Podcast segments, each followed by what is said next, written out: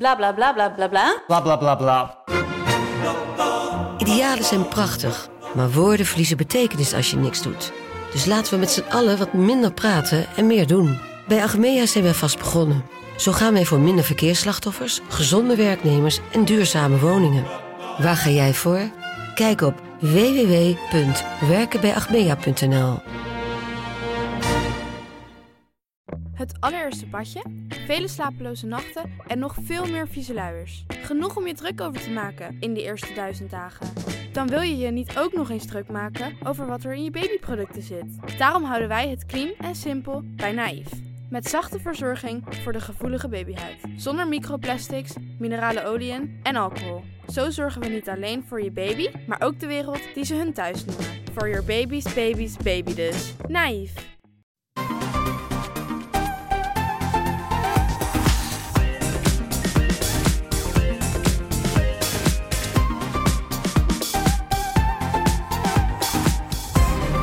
Ja, welkom bij de Bright Podcast van woensdag 1 februari.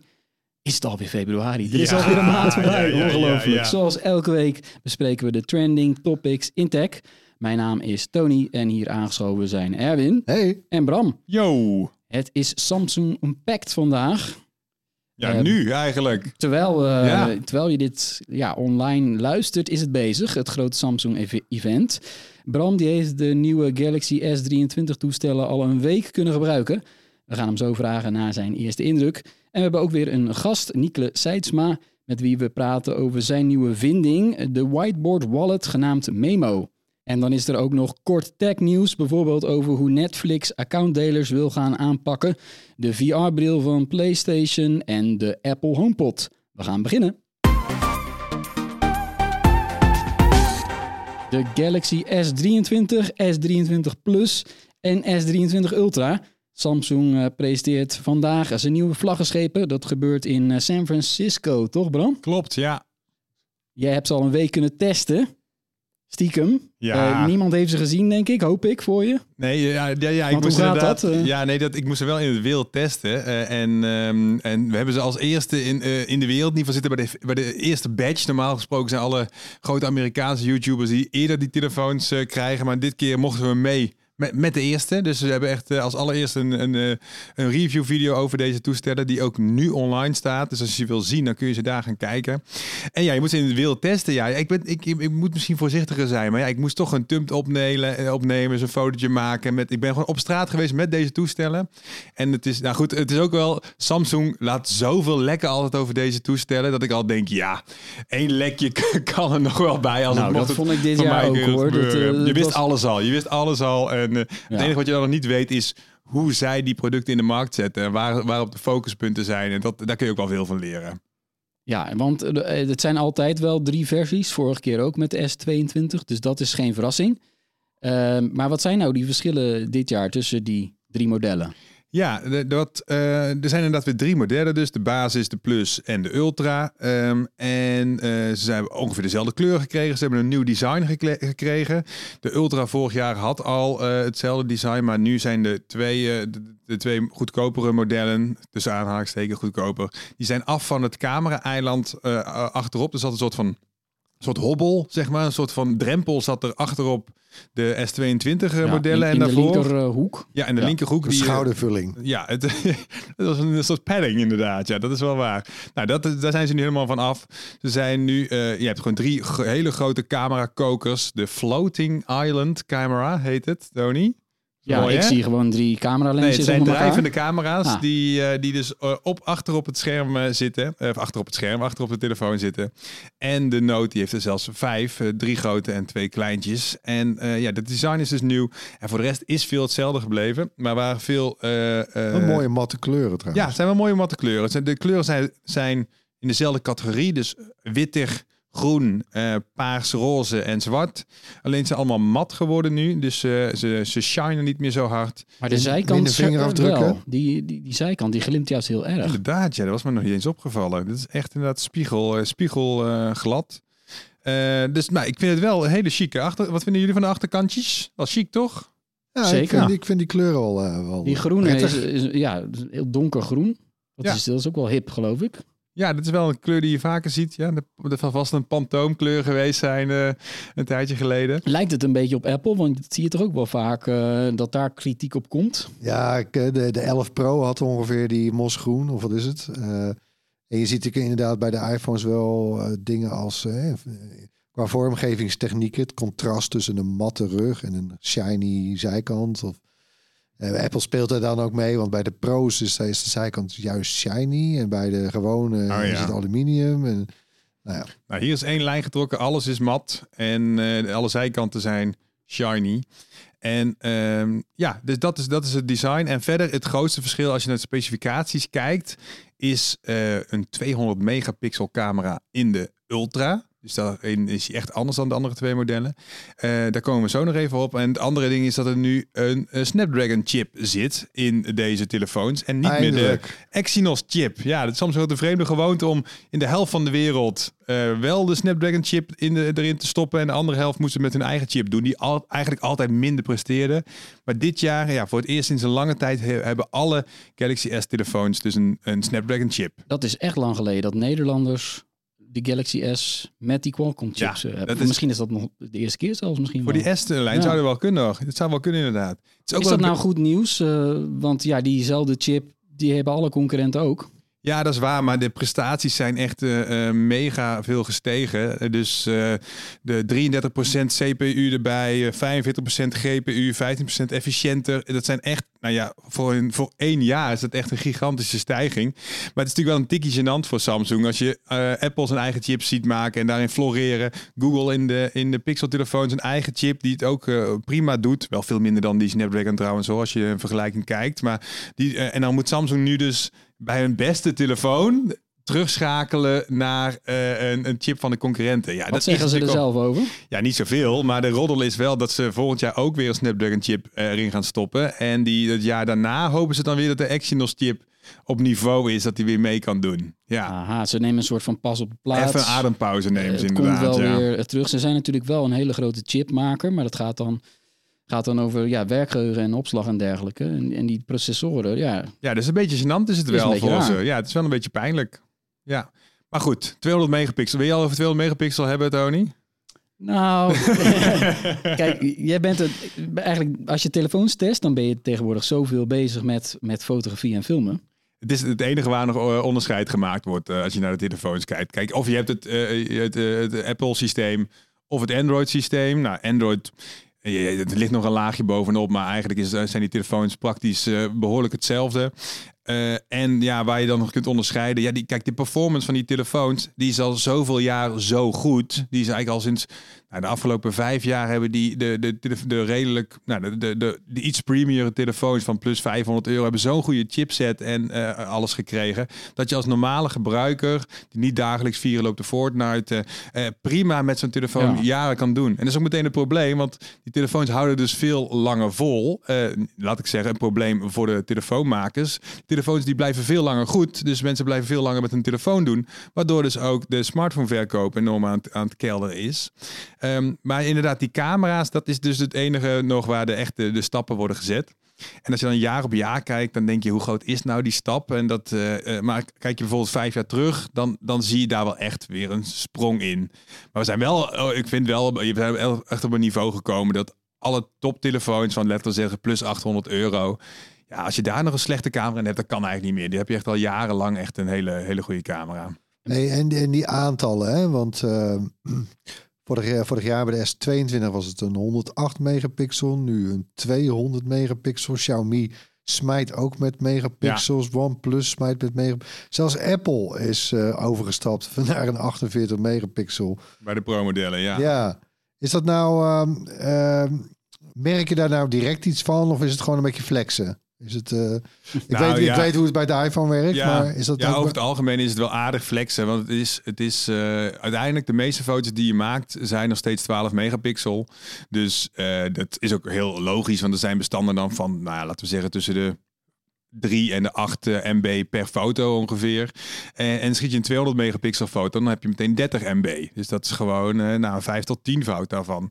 Uh, dus dat, ja, dat, de, dus de, meestal maken ze daar dus kleinere foto's van. Dan maken ze wel gebruik van die grote 200 megapixel camera.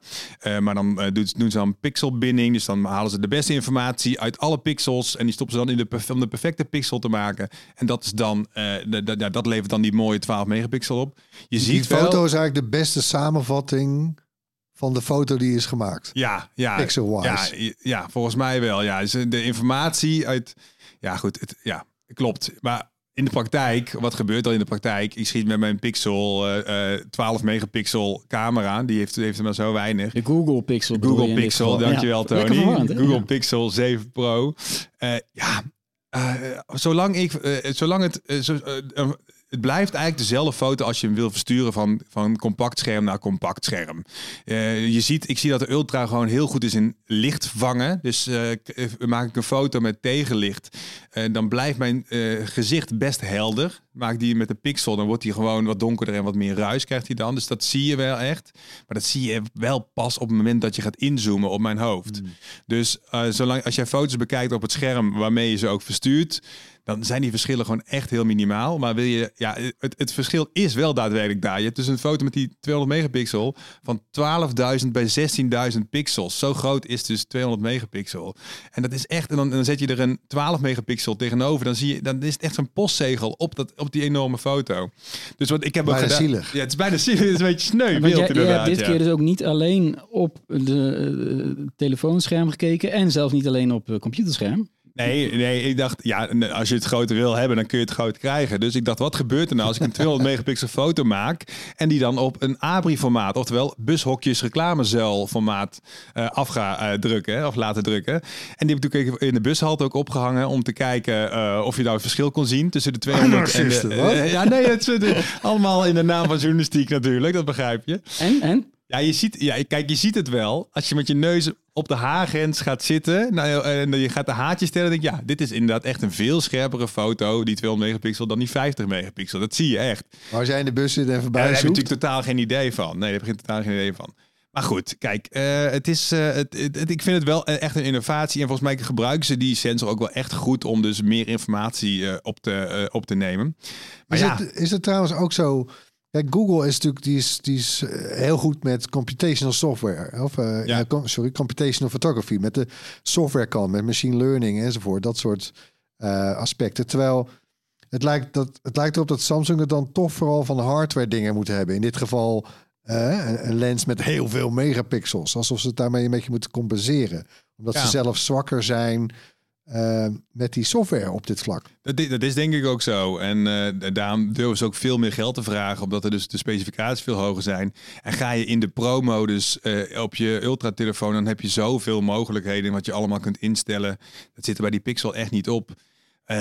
Maar ja, qua, qua smaak ook. het gras is altijd veel te groen bij Samsung. de gezichten worden ook altijd iets te veel opge, opge, opgedirkt.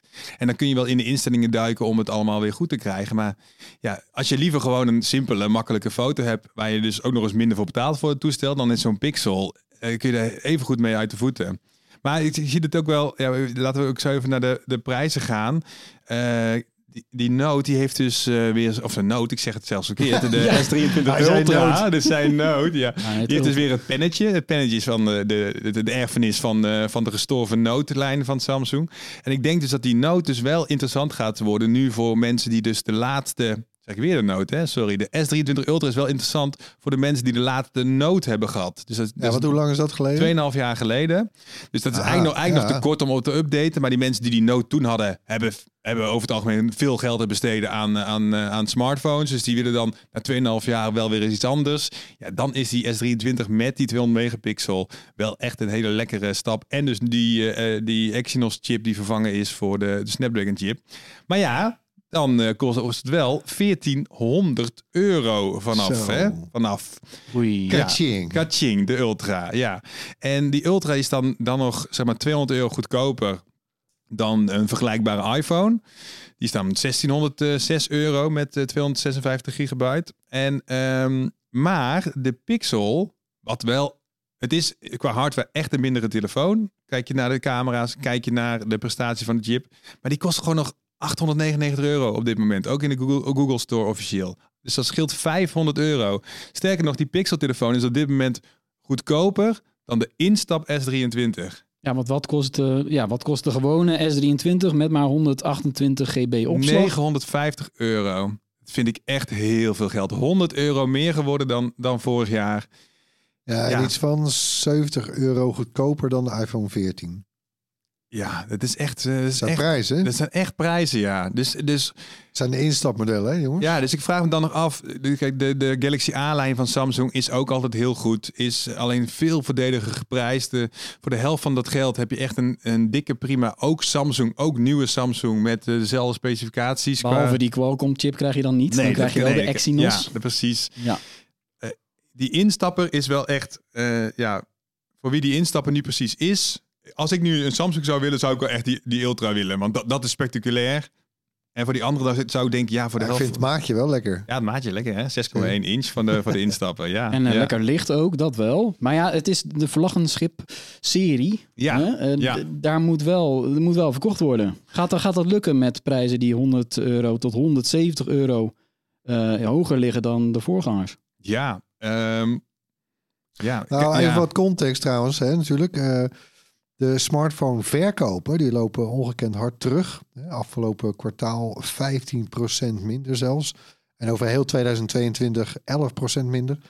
En uiteraard inflatie, dreigende recessie, het feit, dat mensen langer doen met een toestel, zijn er allemaal debet. Hè? Maar, en je, ziet ook bij Samsung dat deze trend er, daar behoorlijk hard in hakt.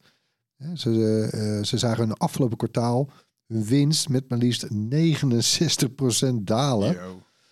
Ja, gaat die S23, gaat die daar nog, gaat hij dat tijd doen keren, denk je? Of, of Ja, eh, het, is, het gaat er volgens mij hard aan toe op dit moment bij Samsung. Als je de- deze, deze cijfers ziet, dat, is echt, dat raakt Samsung natuurlijk super hard.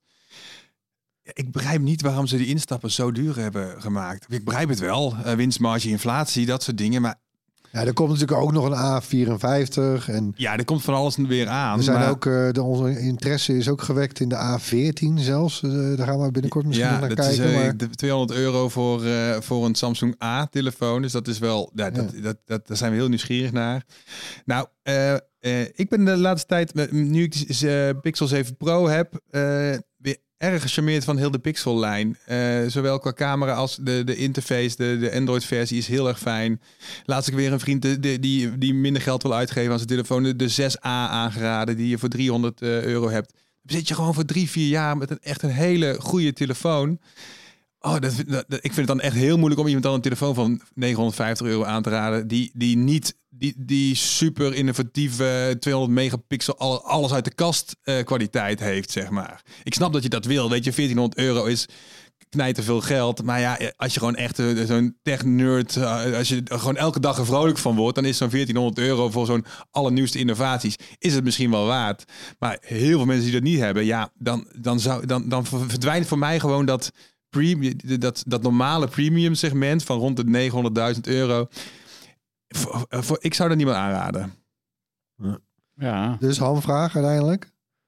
Nou, ik ga de, Wordt het de- je daily driver? Of Nou, niet? ik ga de Ultra wel meenemen. Ik, ga, ik, ga, de- ik, ga, ik heb een paar weken vakantie zo meteen. En dan ga ik hem eh, meenemen om te kijken hoe die is versus de Pixel 7 Pro. Lekker dan, ga vakantie en ik neem mee de Ultra en de Pixel 7 Pro. Wat gezellig. Je hebt, je Ehm, hebt reisverzekering, neem ik aan, voor dat soort prijzen. ja, dat komt goed. Ja, inderdaad. Ja, ik zal hem in de handbagage meenemen. Ehm, ja, ik weet, ik weet niet. Ik ben wel erg verrast eh, door. eh, Of ik ben echt blij, blij met mijn Pixel 7 Pro. Dus de, de Ultra moet van goede huizen komen. Die 200 megapixel wil die, wil die mij eh, gaan overtuigen. En tot slot, die poster van jou. Gemaakt met de Ultra. Waar kunnen mensen die van een bu- bus, afhalen, zeg maar? De echte fans. Ah, was echt spannend om het op te hangen. Ik dacht, ik kom het zo meteen. Want deed iemand van de, van de JP de Co. of zo heet het ook alweer. Die, eh die posterplakkers in Amsterdam. Maar eh, nee, goed. Ik heb hem van de bus al afgemaald. Voor, ik dacht, ik, ik laat geen rotzooi achter. Ja, jammer. Maar eh, ja, je kunt nu naar onze YouTube kanaal. En dan kun je dus zien hoe ik die poster uh, zwedend aan het opplakken ben. En zelf mee oordelen. Oké, van onze Primo Gizmo, de smartphone, gaan we naar onze primaire levensbehoeften. Eten en drinken. We gaan het zeker hebben over Y-food. Ja, hoe, ra hoe raad je dat? Hoe raad je dat, Erwin? Dat staat Ja, we in het gaan, het, draaiboek. we gaan het zeker hebben over Y-Food. Ook deze week weer onze sponsor. Daar zijn we natuurlijk blij mee. Eh, heb je al een grootverpakking eh besteld Ja, van Y-Food? zeker 24 flessen had ze. Oké, okay, kluk, kluk. vier smaken. Ja, ik heb er een paar hier op kantoor gezet. Hè, handig voor... eh, ja, want het hoeft ook trouwens, het hoeft niet in de koelkast, hè? Oké. Het is wel lekkerder als je het, als je het eenmaal drinkt, als het iets frisser is, maar het hoeft niet. Het bederft niet.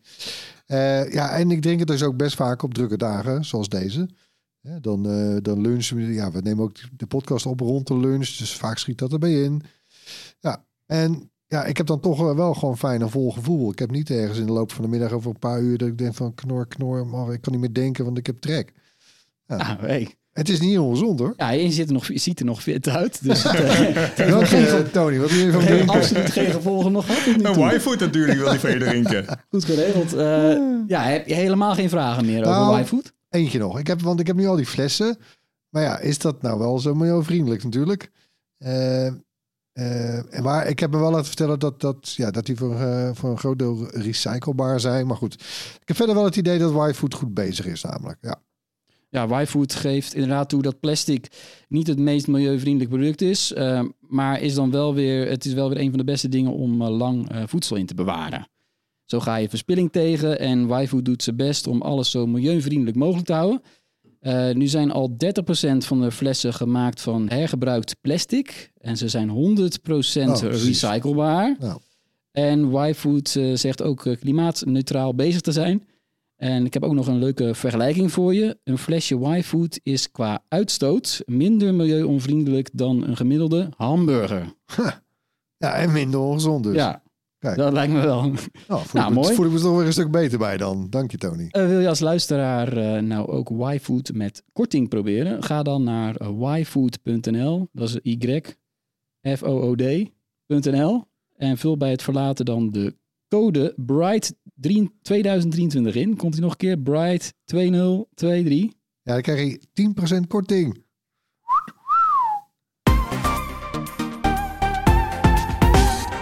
Vorige week was eh, een van de makers van de Steambox te gast. En deze week kijken we met Nikle Seidsma naar de Memo, een whiteboard wallet. Eh hoi, Nikle, welkom. Dankjewel. Een whiteboard wallet, wat is dat?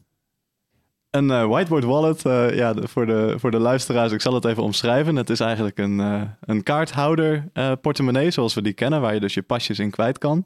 Maar dan vouwt hij open tot een klein whiteboard, waar je bijvoorbeeld notities in kan maken.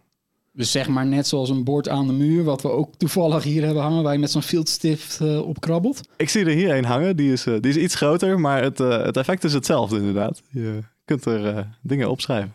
Dus een soort hè, mini whiteboard voor op zak. Exact, exact. Grappig. Hey, eh, de memo die staat eh, nu een week eh, op Kickstarter. En je had binnen een paar dagen de target al gehaald. Ver- Vertel daar eens over. Ja, binnen, binnen enkele uren zelfs. We waren, we waren daar erg blij mee. Binnen drie uur hebben we ons fundingdoel gehaald. En we zitten inmiddels, ik keek vanochtend, 35.000 euro is erop gehaald al. Ehm, dus daar, eh, dat, is, dat is al meer dan 700% van ons, eh, van ons doel. Dus daar, eh, daar Ja. zijn we heel blij mee. 427 mensen, die hebben er eentje besteld. Exact, of meer zelfs. Dus dat is een beetje de... Ja, En eh, Hey. ja, er nog 21 dagen te gaan, dus dit gaat gewoon helemaal goed komen, toch? dit gaat heel goed. Het gaat ja, sowieso op de markt komen. Exact, Ja. ja. Maar die, laten we wel zijn, de target was met 4800 eh, dollar. Ook Mhm. niet bijzonder hoog natuurlijk. Hè? Dat, dat, Zeker waar. Ehm, dat is eigenlijk. eh, het, het was wel genoeg voor ons om te, eh, om, om te zeggen: oké, dan is er genoeg vraag om eh, de volgende stap te nemen. Nou is het met Kickstarter wel zo dat je eigenlijk beloond wordt voor een wat lager target. Omdat als je binnen de eerste 48 uur je target haalt, dan ehm, beloont het algoritme dat eigenlijk de rest van de campagne. eh, door daar dan meer aandacht aan te geven. Dat het vaker in mensen hun recommendations komt. Dus Aha. dat, dat Maar had je trucje dan- hebben we wel. dus het klinkt bij, ik bedoel, had je überhaupt het geld nodig eigenlijk? Of, of is het dan toch... Ehm, kijk, nodig. Eh, vorig jaar, ehm, eh, dat weet jij eh, Erwin ook, jij hebt het vorig jaar gereviewd. Dat was ons product eh AirTag houder voor fietsen. Ehm, En die hebben we gelanceerd zonder Kickstarter, gewoon via onze eigen website. Uh, we waren de eerste, we hadden dat uh, mooi opgezet zo. Um, en dat werkt ook. Dat, dat, dat, dat was hetzelfde idee, dat was een pre-order. En uh, 30 dagen later kregen mensen hun product. Um, dus dat is, dat is ook een systeem wat werkt. Eigenlijk in dit geval omdat het om een portemonnee ging... hebben we voor Kickstarter gekozen, omdat dat een platform is waar best veel portemonnees al tot leven zijn gekomen. En waar dus een community lijkt te zijn die dat, die dat waardeert. Ja, dat is wel opvallend. Ja, dat is een van de categorieën die gewoon ontzettend goed loopt al sinds het begin van Kickstarter. Ja. Maar precies. daardoor is er ook ontzettend veel concurrentie. Nou heb jij natuurlijk iets unieks met dat, dat whiteboardje. Toen ik de foto's zag, toen dacht ik, is het niet een heel groot, bijna lomp ding? Maar toen pakte je hem uit je broekzak net. En toen had ik hem in handen. Toen dacht ik, ja, dat is eigenlijk best wel een klein dingetje nog. Valt me wel mee eigenlijk. Ja, ja, de, de, de, vormfactor is eigenlijk tot stand gekomen door... Uh, nou, er moest een pennetje in zitten die, uh, die groot genoeg moest zijn om een beetje mee te kunnen schrijven. Um, en de, de pasjes die moeten erin zitten. En eigenlijk dat, plus een klein beetje uh, ja, behuizing voor, voor de rest van het product... is eigenlijk hoe die tot stand is gekomen. Hey, want er gaan, er gaan zes pasjes in, drie pasjes per zijde kun je zeggen. Van, ja. hè? Want van, Ja. het, van hetgeen wat openklapt. Klopt. Binnenin dan die, uh, dat whiteboard. Er zit inderdaad een pennetje in. Die, die zit ook in een soort uitsparing van de whiteboard. Die haak je er ook een beetje in. En, Uh, andersom, ja. Dat is, Ja, als, je het, eh, als je het veldje, als je het doet... verkeerd? I'm holding it wrong. Ja. Oh, Ja, Nou, de- vertel. De, de gebruiker heeft altijd gelijk. En dit is iets wat we eigenlijk dus nog even uh, beter naar moeten Aha. kijken. Maar uh, wat je zou moeten doen is eerst het veldje erin drukken en dan de, de, de cap. En dan klikt die mooi. Eerst- En dan blijft niet of zitten. jullie het klikken oh ja, horen, nou, maar- want even voor de luisteraar. Want die ziet natuurlijk... Ah, wacht. Nou ja. In principe Nee, blijft hij maar dan goed, dus, zeg kijk, maar aan de ene kant- zitten als je hem op de kop Aan de ene kant van het pennetje, daar zit een dop. En boven in de dop zit een uitsparing die je achter een soort haakje kan Klopt. klik, klikken, Ja. duwen. Het idee is zeg maar dat hij er niet uitvalt als je, eh, als je hem er... eh, Oh, ja, dat doet hij bij mij inderdaad wel meteen. Dus dan heb ik het inderdaad verkeerd gedaan. Oh, verdomd. Kijk. Ja. En aan de andere kant, daar zit dan zeg maar het gummetje. Hè, dus dat Ja. is dus een, eh, ja, een soort kleine brush is dat. Hè, Ja. Waarmee ik... Ik zal het even ook naar de collega's hier tonen. Ja, kan- gaat dat- die. Ja, dus ja, ik had ja. daar een tekstje op geschreven en dat, nou, dat haal je zo weg. Ah, Oké, grappig. Op Dus deze ik- manier heb je in dus ieder ik geval geen, eh, verkeerd, geen maar nu, Moleskine eh, notitieblokje meer nodig. En je hoeft geen app te openen om notities te maken. Is dat het idee? Dat is het idee. En eh, het is natuurlijk niet voor iedereen. Ik denk dat er best veel mensen zijn die gelukkig zijn met een, eh, met een Moleskine boekje. Maar als je het gevoel hebt van... eh, ik zou wel vaker analoge notities willen maken... maar je hebt dat niet op zak... en je wil dat ook eigenlijk niet op zak hebben... omdat het wat groot is. Dat, dat had ik zelf. Ehm, dan denk ik dat dit een goede oplossing kan zijn. Omdat het eh, amper meer ruimte dan je huidige portemonnee zou eh, innemen. In veel gevallen is die denk ik zelfs kleiner dan de, de portemonnee die je op Ik zak pak hebt. nou mijn Even- eh, portemonnee eens even kijken. eh. Wat even nog de, Ja. de afmetingen. Oh, eh, er komt een ding uit je broekzak. Uh, Tony kan portemonnee, heb ik het even oh, over. Tony heeft gewoon een ouderwetse portemonnee. Gewoon zo'n leren portemonnee van Als het met eh, op tafel vallen, dan horen mensen hoe dat is. Ja, dat horen ze denk ik niet, maar... Wauw, dit is gewoon die tafelzak Zwaar in. ook nog. Ja.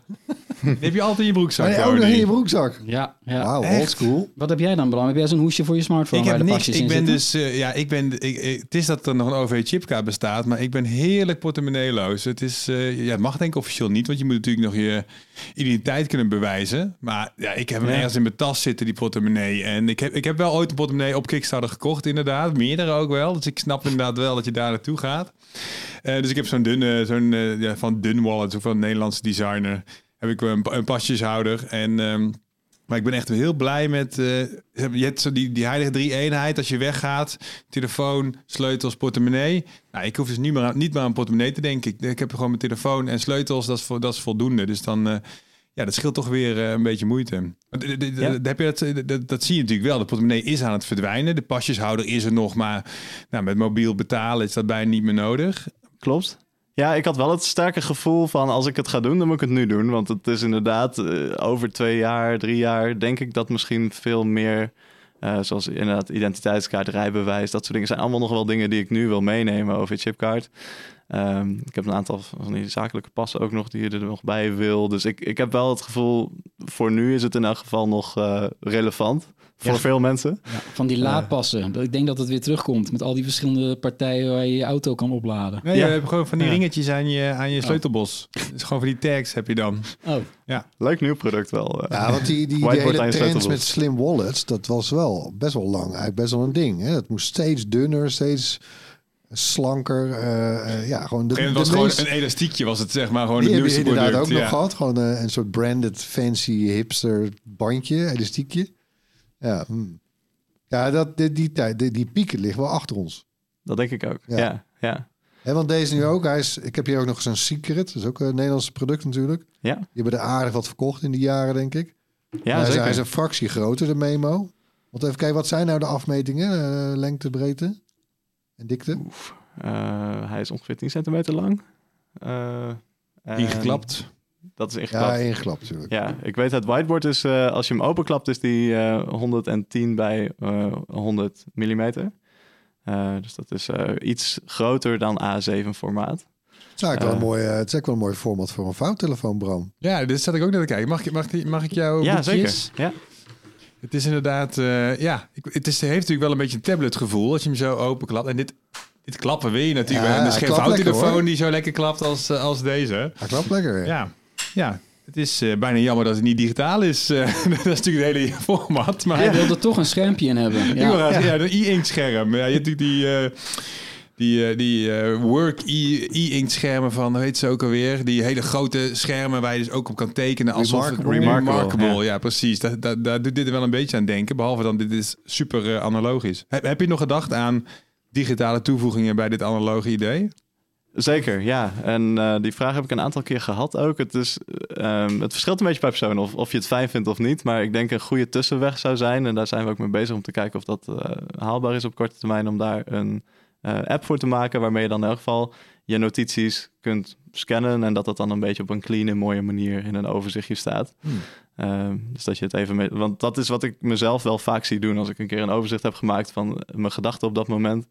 Dat is heel fijn om op papier te doen, het organiseren van gedachten. Want je, op een of andere manier denkt het veel helderder als je een leeg blaadje voor je hebt. Ehm, en op een gegeven moment heb je dan soms het moment dat je denkt, dit, dit is eigenlijk best wel zijn hele heldere inzichten. Laat ik daar even een foto van maken, dan weet ik het in elk geval nog. En misschien moeten we daar op het digitale vlak nog eens naar kijken of daar een mooie integratie te maken is. Nu heb- Ja, ja, je hebt natuurlijk meer dan 400 mensen die hem eh, besteld hebben. Zijn er, ja, is er al feedback van mensen die aan toepassingen hadden gedacht? Dat ze zeiden van, hé, hey, ja, dit is precies wat ik wil om een bepaalde reden. Nou, je Eh, hebt hem nog niet uitgeleverd, hè? Nee, nee. Ze nee, maar die, die het eh, besteld richting- hebben, die zeggen Ja. van, ja, dit, dit, dit wil ik. Ik maak tekeningen of zo, ik wil het per Ja. se eh, met een pennetje doen. Ja, dus er waren een aantal use cases waar we van tevoren over na hadden gedacht. Van boodschappenlijstjes, mensen die kleine tekeningetjes willen maken. Ik ben zelf ontwerper, dus ik, ik gebruik het veel als eh tekentool eigenlijk. Ehm, maar het leuke was, ik werd bijvoorbeeld vorige week werd ik opgebeld door eh, iemand uit Rotterdam, geloof ik. Die is eh, voetbalcoach. En die zei, nou, Ja. wij hebben eigenlijk altijd een soort klein whiteboardje bij ons om, om instructies eh, op te tekenen of strategieën eh, ja, even snel te kunnen laten zien tijdens het coachen. Aan de speler die het veld in moet, bijvoorbeeld. Dat Ja, je, je moet denken die wedstrijd met Koeman, die een briefje meegaf. Dat is de ja. speler voor Van Dijk, toch? Ja, ja, ja, precies. Dat, Ja. dat is een mooie toepassing. Vond, ja. vond ik een hele interessante. Daar is nooit over nagedacht. Verder hoorde ik iemand op de Kickstarter bij de comments eh, las ik van dit is een, eh, dit is een goede voor eh slechthorende mensen. Om eh, iets even te kunnen uittekenen op een snelle manier of eh, op te kunnen schrijven. Oh ja. Eh, als communicatietool meer. Eh, vond ik ook een interessante. Ik Dus zou zo gewoon een er wel- branded eh, Johnny Heitinga eh, editie uitbrengen. Met, eh, met van die hele kleine magneetjes ook, weet je wel. En dan zie je, ja, ik zie, ik zie het wel gebeuren inderdaad. Nou, nou, is- nou is het een klein whiteboardje en daar hebben wij ook zo onze ervaring mee, Erwin. Al die jaren dat jij prachtige ideeën over de toekomst van Bright op een whiteboard... eh, het komt allemaal weer terug nu bij mij. Maar ook dat gedoe met die, ja, die stiften die dan weer droog zijn. En, Mhm. Ja, dat is een beetje ja. wel mijn ervaring natuurlijk met, met whiteboards. Ook, hè, we zitten hier in een hok bij RTL Nederland. En in, in, de hangt, in dit hok, het is een soort vergaderhok, inderdaad ook staat een whiteboard. Het is onderdeel van de muur zelfs. Maar ja, ik weet nu al, er, staan, er staat tekst op, die krijgen we er nu al niet meer af. Die zijn Ja. gewoon een soort helemaal uitgehard. Eh, de stiften die erbij liggen, die doen het ook niet meer. En de wisser, die, die is ook niet meer heel effectief. Ja. Maar dat is natuurlijk vaak wel het euvel van whiteboard. Hoe, hoe kun je dat... Hoe kun je daar Ja. rekening mee houden bij deze memo?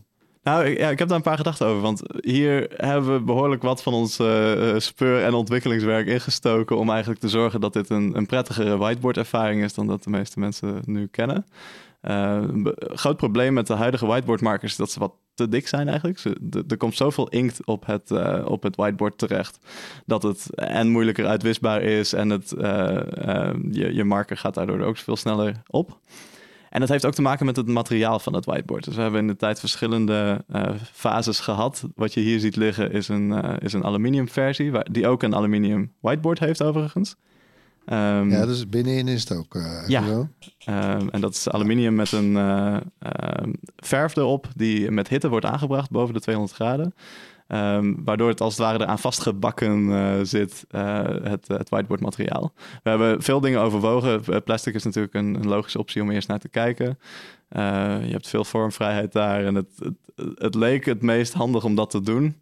Is het misschien ook nog steeds, maar qua langdurigheid van de ervaring en ook qua het weg kunnen vegen van, van de inkt die erop staat, is deze verf ontzettend goed uit onze test gekomen. En daar geloof ik heel erg in dat dit een.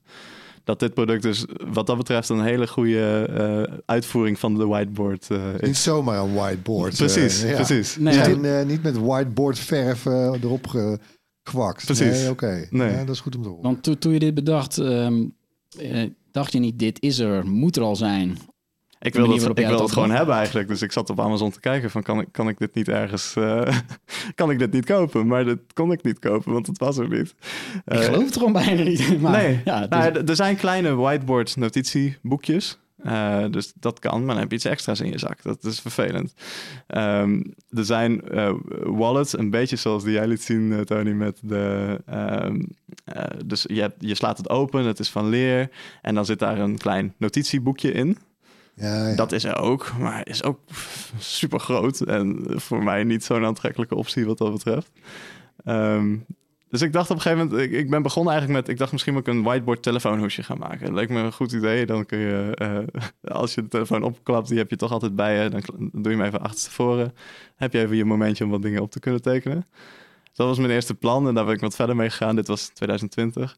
En langzamerhand kreeg ik toch het gevoel, ja, zoveel verschillende telefoons. Elk jaar komt er een nieuwe uit. Het is lastig om dat goed bij te benen qua...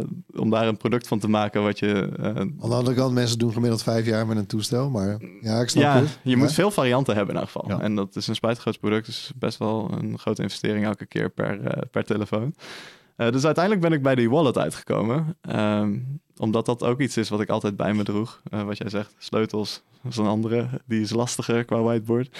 Eh, maar de wallet eh, zag ik wel een optie. En eh, zo ben ik dat eigenlijk gestaag eh, gaan ontwikkelen. En, eh, nu zijn we hier. En we hebben het al over de prijs gehad. In de Wat podcast nog niet. Maar Ja, nee, precies. Daar moeten we het wel. over hebben, denk ik. Bram, weet jij wat de prijs is? Nee. Dan ga ik jou, dan ga ik jou vragen. Wat denk jij dat dit kost? Eh, 28 euro. Nou, Nico, Ja, wat nee, dat kost die? is, daar, daar kan ik ze bijna niet voor maken. Eh, het is, eh, tijdens de Kickstarter gaan we ze voor 59 eh, verkopen. Oh ja. En eh, na de Kickstarter mikken we op 79, is het idee. Ja. Dus het Oh, is dat een wij- redelijk high-end product. bijvoorbeeld ook, toch? Wel? Secret is eh, die range, ja. Ja, dat zijn Ja. ook dat soort prijzen. Gewoon heel slecht geschat eigenlijk van mij. Dus is eh, oké, top.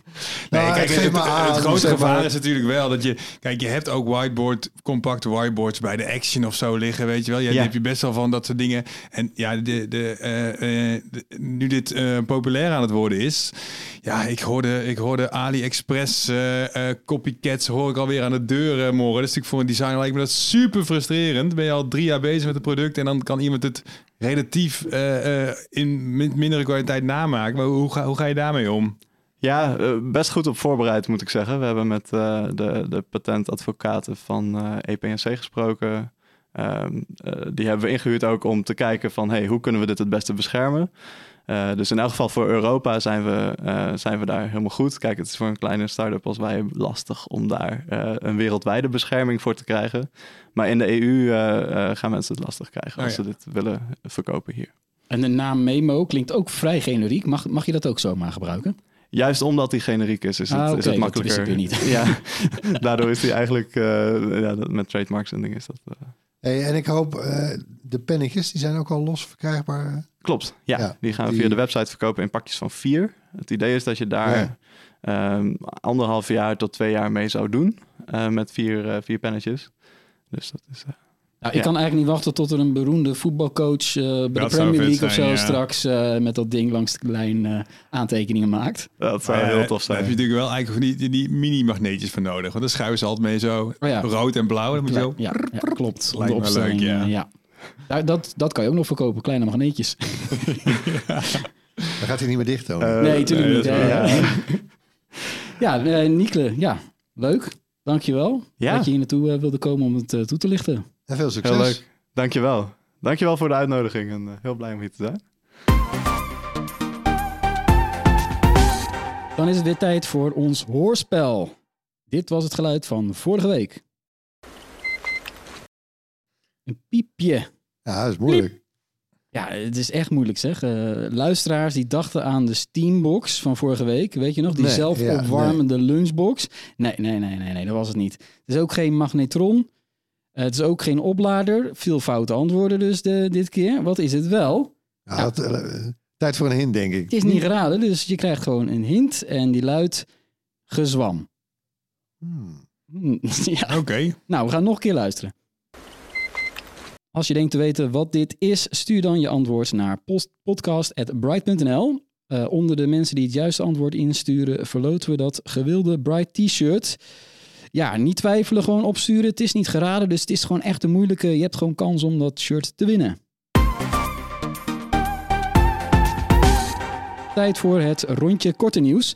Netflix die gaat het delen van wachtwoorden door gebruikers voor het einde van dit kwartaal nog harder aanpakken. Eh, onderdeel van het nieuwe beleid is een toeslag van een paar euro per maand als anderen een login blijven gebruiken buiten het huishouden. Netflix heeft nu eh, toegelicht hoe dat precies gaat werken. Ze hebben de FAQ geüpdate, zeg maar. Eh, apparaten die, van, die op een andere locatie worden gedetecteerd, die kunnen straks worden geblokkeerd door Netflix. Het bedrijf kijkt dan bijvoorbeeld naar IP-adressen, apparaat-ID's en de accountactiviteit. En zo wordt bepaald eh, ja, of een apparaat is aangemeld eh, dat zich buiten de hoofdlocatie bevindt. Netflix die weet ongeveer wat jouw hoofdlocatie, jouw huis waarschijnlijk is. Ja. Nou ja, eh, ga je dan een apparaat gedurende langere tijd op een andere locatie gebruiken, dan krijg je een vraag om dat apparaat te verifiëren. Dan stuurt Netflix een link naar een mailadres of het telefoonnummer van de hoofdeigenaar van dat account. Die moet dan binnen een kwartier een, vijf, of een viercijferige verificatiecode invoeren op dat apparaat. Ja, ja dat eh hakt er wel in, hè jongens? Ja, ik zit wel te denken als ik dit dan hoor. Oké, dat is nog te doen op deze manier. Dat is nog te doen op deze manier.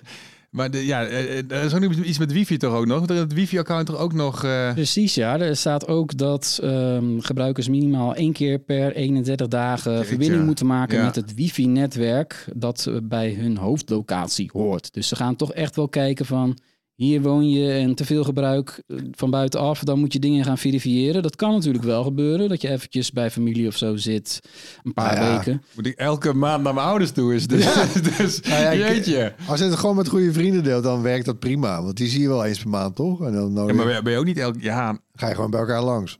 misschien dat het juist wel de manier is om je, vri- je vrienden wat vaker te zien, zeg maar. Dat je, ja. Zullen we een Netflix-account delen? Ik denk wel dat het lastig wordt hoor. Zo, ik denk dat ze lastig, na een ja. paar keer vanaf een andere locatie, dat je elke keer moet gaan verifiëren. ja, het wordt gewoon een hassle. dat klinkt Dat- als het wordt gewoon een gedoe. En dat doen ze dan heel slim, want dat, daar heb je geen zin in. Dat kunnen ze natuurlijk, ja. Maar, maar, het, was- maar het was wel een leuke tijd toch, jongens, dat het er wel gewoon kon. Hè, we hebben toch jaren ervan genoten en het was toch fantastisch. Nou Bram, het kan nog steeds, maar het gaat een x-bedrag per maand extra Ja. kosten Nee, ja, je het oké, wil dat heb- blijven dat denk ik dat ik wel Dus doe. Je kan alsnog zeggen Ja. tegen iemand, eh, tegen je moeder of je vader met wie je graag hetzelfde account wil delen, geef mij 2 euro. Ik denk wel dat het een tijdelijke oplossing is. eh, dat ze dit maar eventjes eh, gaan aanbieden. Een paar jaar of zo, als een soort van overgang. Maar ja, dit is uite- uiteindelijk willen ze natuurlijk gewoon iedereen zijn eigen account heeft. Nou, ik moet er even snel gewoon doen ze de iris-scan. ja, even je bloed achterlaten. Nou, maar ik heb mijn Seinfeld bijna afgekeken. Seizoen 8 zit ik nu, dus nog twee seizoenen. Dus ik ram die er nog even doorheen. Want tot- wanneer gaat het in? Het gaat, van, eh, ja, denk voor het einde van maart in de eerste landen van start. En dan wordt het dan geleidelijk naar verschillende landen uitgerold. En dan ergens rond de zomer is het de hele, in de hele wereld het geval. Maar vind je het nou slim dat ze dit zo bekendmaken? Ja, wel opvallend. Ze zijn natuurlijk wel gewoon nummer één. Dus dat is makkelijker om zoiets te doen. Dus eh, zij kunnen het ook wel leiden als het tijdelijk een korte afname is. Ze hebben dat ook getest al. Hè? Dus ze hebben dit in eh, vijf Latijns-Amerikaanse landen al een half jaar Ja. getest. En daarvan zei de topman laatst... Ja, we zien ook wel mensen die definitief zijn afgehaakt. Maar er komen er meer voor terug. Het totaal aantal abonnementen waarvoor betaald wordt... Ja, is volgens hem hoger. Kijk, als Ja. dat niet was geweest, was die proef gestopt. En jongens, bekijk het maar. We gaan gewoon zo door. Dus kennelijk denken zij op basis daarvan dat dit gaat werken. Dat meer gewoon, geld, ja. er moeten meer abonnees komen, zeggen zij. Want we willen blijven investeren in onze content en in de dienst. Sony gaat minder exemplaren van zijn nieuwe virtual reality bril PSVR 2 produceren. Omdat het aantal pre-orders zou tegenvallen. Sony denkt eh, tot maart 2024 zo'n anderhalf miljoen VR-brillen te verschepen. Eh, terwijl het eerst dacht dat het er 2 miljoen zouden kunnen zijn. De PSVR 2 ehm, is sinds november al te pre-orderen. En vanaf 22 februari is hij dan verkrijgbaar. Hij kost 600 euro. Eh, de VR-headset is daarmee wel duurder dan eh, de duurste versie van de PlayStation 5. Want die heb je er ook voor nodig. Dat zou je bijna vergeten. Eh, want die kost iets van eh, 450 tot eh, 550 euro. ja. Een VR-bril voor 600 euro. Koop ja, je. ik vind het ook niet zo vreemd dat, er niet, dat het niet storm loopt qua pre-orders. Nee. Nee, het gaat natuurlijk niet goed met de VR-brillen. Ze worden alleen maar duurder en er zijn steeds minder mensen die ze willen hebben. Dat is een beetje de samenvatting van VR. En ja, die PlayStation, ja, maar in principe had PlayStation tot nu toe de beste kaarten, want het is een add-on van je, van, je, van je apparaat wat je al hebt. Dus het is heel duidelijk waarvoor je het kan gebruiken. Het is echt, ja, dat, dat, dat begrijp ik allemaal wel. En er komt een nieuwe Horizon eh, VR-game, hè, dus er zullen veel mensen wel heel graag een keer willen spelen. In totaal 30 games bij de lancering. Niet slecht. Niet slecht, zeker niet slecht. Nee. Eh, en Beat Saber hè, komt nu ook naar de, de PlayStation Ja. 2. Dat is ook, maar ik denk wel dat je met de kabel verbonden moet blijven. Dus ik weet niet of het ideaal is. Nou Maar goed. vind je het niet toch wel een beetje... Het is wel een beetje gênant. Ze hebben dat, die VR-bril al eh, begin 2021 aangekondigd. Ze hebben dus best wel de tijd gehad om mensen warm ervoor te maken. Twee jaar de tijd. Maar ja, Ja. 30 games is niet verkeerd hoor. Nee, maar 600 euro is, is wel verkeerd, Ja. denk ik. En eh, ja, De Quest kost nu 400, 350. zoiets ja, rond de 350 ja, want, want. Meta, die Quest-brillen, veruit marktleider. eh 85% van de verkochte VR-brillen vorig jaar kwamen van Meta. Ja. Maar dat is niet zo heel gek Die natuurlijk. nieuwe van Meta, die Pro van 1500, die gaat dat niet eh, overnemen, denk Nee. ik, dat stokje. Dat denk ik ook niet. Nee, nee, en, en, nee dus dat is een beetje de trend. Ze worden duurder, maar er zijn minder mensen die het willen.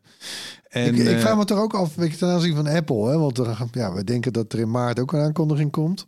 Van de Apple-bril al in maart, ja. Ja, ja de Oh. allereerste aankondiging. Hè? En dan eh, in de zomer nog iets meer over het platform. En dan komt die pas uiteindelijk eind van het jaar op de markt. Maar daar, daar, daar, daar zingen ook bedragen eh, gaan doen de ronde van 3000. hè? Ja, dollar.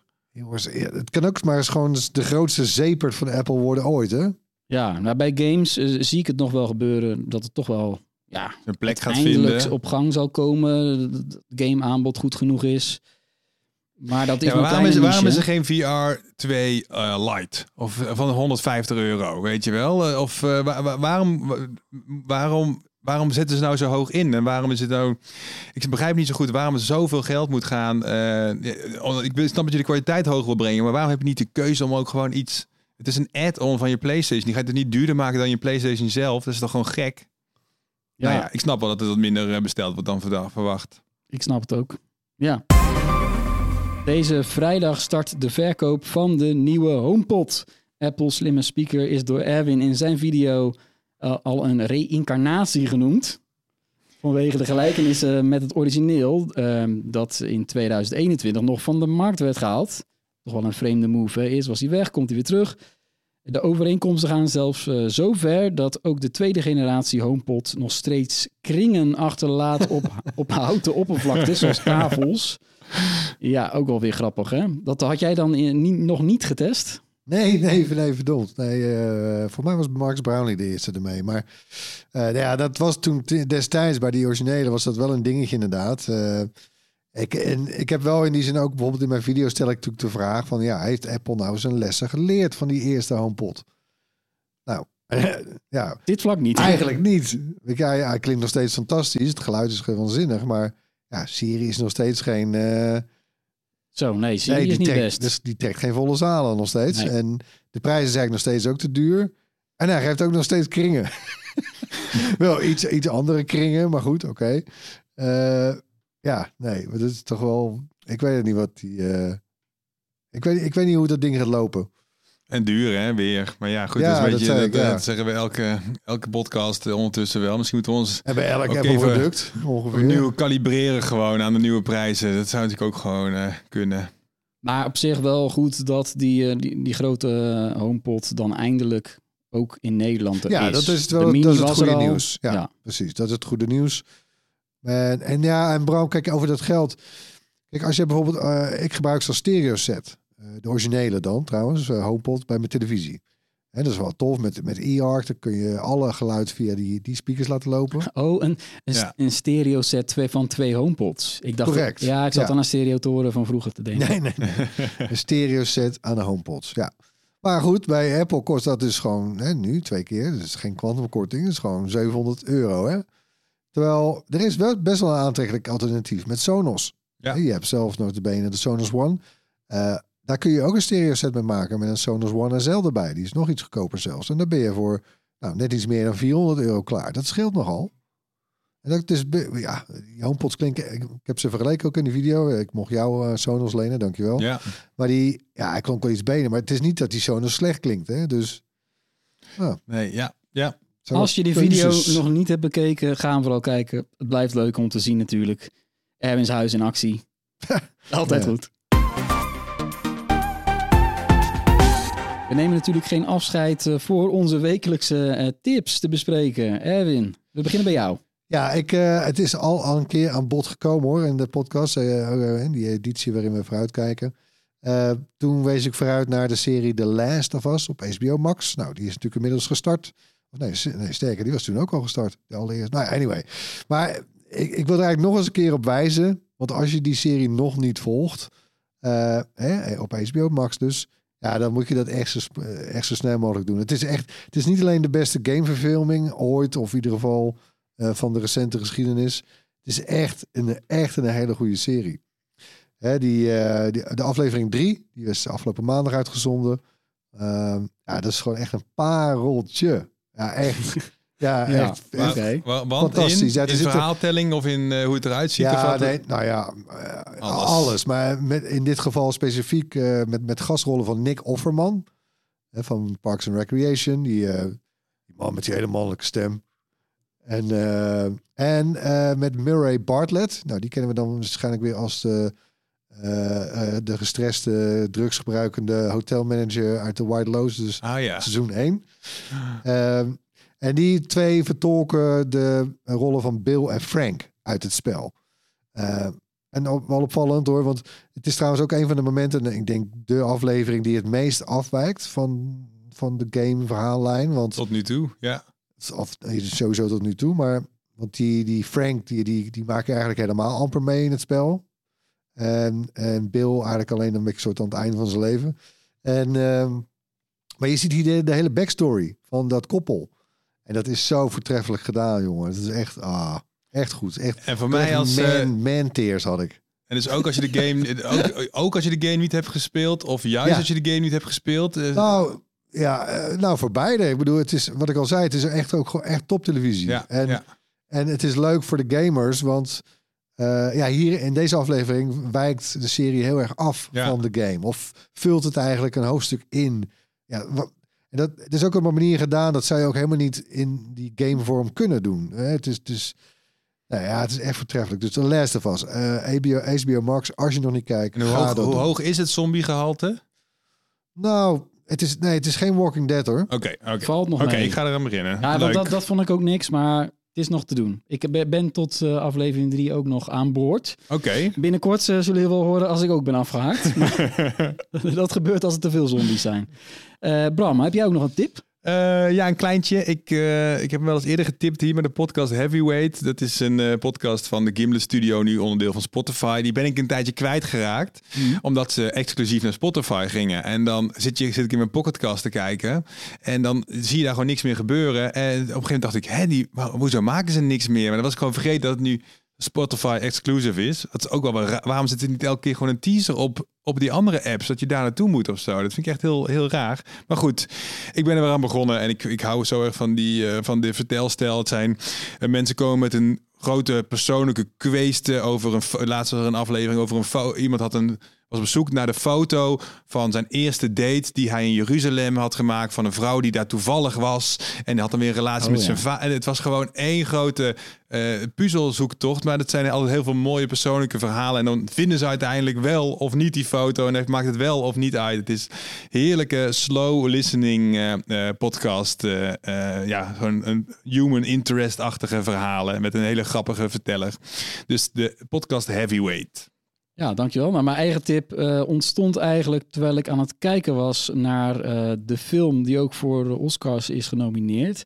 Eh The Banshees of Inisherin. Dat is niet mijn tip, maar daar zat ik naar te kijken. Dat is een film die speelt zich af in de jaren twintig op een Iers eiland. Met allemaal best wel eh, aparte mensen. En eh, ja, andere tijd natuurlijk. Hele tijd ver voor Waar internet. kijken die trouwens dan? Ja, dat, dat wil ik eigenlijk eventjes niet eh, vertellen. in de bioscoop. In de bioscoop. Oh. Oei, oh, wat zijn jullie toch scherp, hè? Oh. dus ik naar te kijken, toen schoot ineens binnen. Ierland. En eh, ja, dat is al analoog natuurlijk destijds. Oh ja, wacht, ik ben vergeten in de podcast dit als tip te noemen. Ik heb een tijd geleden las ik een boek, geschreven door een Ier. Die woont daar ook langs de kust, eh, zonder technologie. Dat is Mark Boyle. Die woont helemaal zonder technologie. En dan Oh, denk je, ah, ja. er zijn wel meer off-grid mensen. Ook geen stroom. Nee, hij heeft ook geen zonnepanelen. Wauw. Hij heeft ook geen eh, stromend water. Hij heeft wel een, eh, een bron waar hij water kan halen. En zijn eigen huis eh, gebouwd. En vuur dus. Nee, daar woont hij gewoon. Dat, daar woont hij gewoon. Hij heeft er een boek over. hij heeft er ook een boek over Ja, geschreven. vuur, geen huur. Geen vuur. Oh, geen vuur. Ja, hij heeft wel vuur. Houthakker. ja, Ja, precies. precies. Dat wel. En that's, that's it. En eh, was, wasmachine? Nee. nee hij doet het Hij met gaat ook, niet naar de, gaat ook niet naar de, de, de was, ja, Hij maakt ook niet van externe technologie gebruik. Dat hij naar Nee. een wasser... Nee, Holy en hij. Ja, precies. Dus dat gaat wel even wat verder dan uh, En hoe heeft hij dit geschreven dan? Dit boek? Papier? Precies, daar komt hij. Oké. Daarom is het ook zo'n mooi verhaal. Het poepen bij zeepapier. Ja, hij heeft het eh, geschreven met pen en papier, dus ook niet met een typemachine. En dat, dat, dat heeft dus iemand wel eh, bij een uitgever over moeten typen in de computer. En dat heeft hem dus ook heel lang geduurd. Dus dat maakt het lezen van dat boek ook extra leuk als je weet dat hij het allemaal heeft moeten uitschrijven. En eh, ja, deze man is natuurlijk wel een fenomeen. Die kennen jullie misschien niet, Mark Boyle. Maar hij, hij is ooit wel in het nieuws geweest, eh, tien jaar terug, omdat hij drie jaar lang zonder geld had geleefd. En hij heeft nog steeds bijna geen rekening, maar dat snap je nu. Als je ziet, hij zegt, ik heb geen rekeningen. Ja, hij heeft ook, heeft ook geen inkomsten nodig, want verbouwt natuurlijk alles zelf en dergelijke. Oh, ja. ja. maar wel apart. In deze tijden heb je dus een man, hij leeft zonder technologie, geen rekeningen. En ja, prima. Hij heeft, Is dat boek ook gratis dan? dat boek is niet gratis, dus eens in de zoveel tijd zal hij toch een brief krijgen. Ehm, ja, dat, met een afschrift van je hebt toch geld verdiend, moneyless man. dat is namelijk de vorige Oh, keer ook gebeurd met hem. En, en ja, kijk, heel vaak van dit soort projecten eh, denkt iemand, oh ja, ik ga even zonder internet leven, schrijf daar een boek over. Dat vinden mensen Ja. misschien interessant hoe dat is. Nee, Mark Boyle leeft echt al heel lang zo. En hij zegt ook, ja, ik blijf gewoon zo leven. Maakt me niet maar uit. Als je, mij- nou, je kan hem ook niet interviewen, want je moet hem een brief sturen. En hebben we nog een les? Is er nog een les uit de, Want dit kan, dat is fijn voor hem. Maar heb ik er nog iets aan? Hij, hij vindt het fantastisch. Bevalt hem heel erg goed. Hij mist ook bijna niks. Behalve die wasmachine waar hij het over had. Hm. Die wel. Maar alle andere dingen schijnt hij prima zonder technologie te kunnen doen. Anno 2023. Ja, heel verfrissend. Ik vond het wel een hele andere kijk. En hoe moeten zijn kinderen dan op TikTok, Tony? Nou, hij heeft dus geen kinderen. Oh, die heeft hij ook niet. Nee. dat is te veel technologie, Het, eh, het boek heet eh, The Way Home. Eh, ja, is even iets heel anders voor deze tech-podcast, maar wel leuk. Ik zal het op het eiland gaan lezen zo meteen. Het wordt dus extra leuk als je ook de Banshees of Inisherin, fantastische film, heel raar soort humor, ook uit In de Ierland. bioscoop gaat kijken. Ja, met die Ierse mensen, als je die ook gaat kijken en dan dat boek leest. Ja, Ik had trouwens even een tip vorige week was ook leuk. Die ben ik nu aan het luisteren. De Agent. The Oh, die- Agent. Ja, dat is leuk man. Ja, Een nee. spion. Een, een echte spion. Als je Ja. wil weten wat het was, moet je de aflevering van vorige week luisteren. Hè? Of check de show notes, staat de link in. Heel goed. Bedankt weer voor het luisteren. Laat gerust iets van je horen. Feedback, vragen, mag allemaal op podcast.bright.nl of drop ons een DM op een van onze vele social kanalen. Tot volgende week. Later. Bye.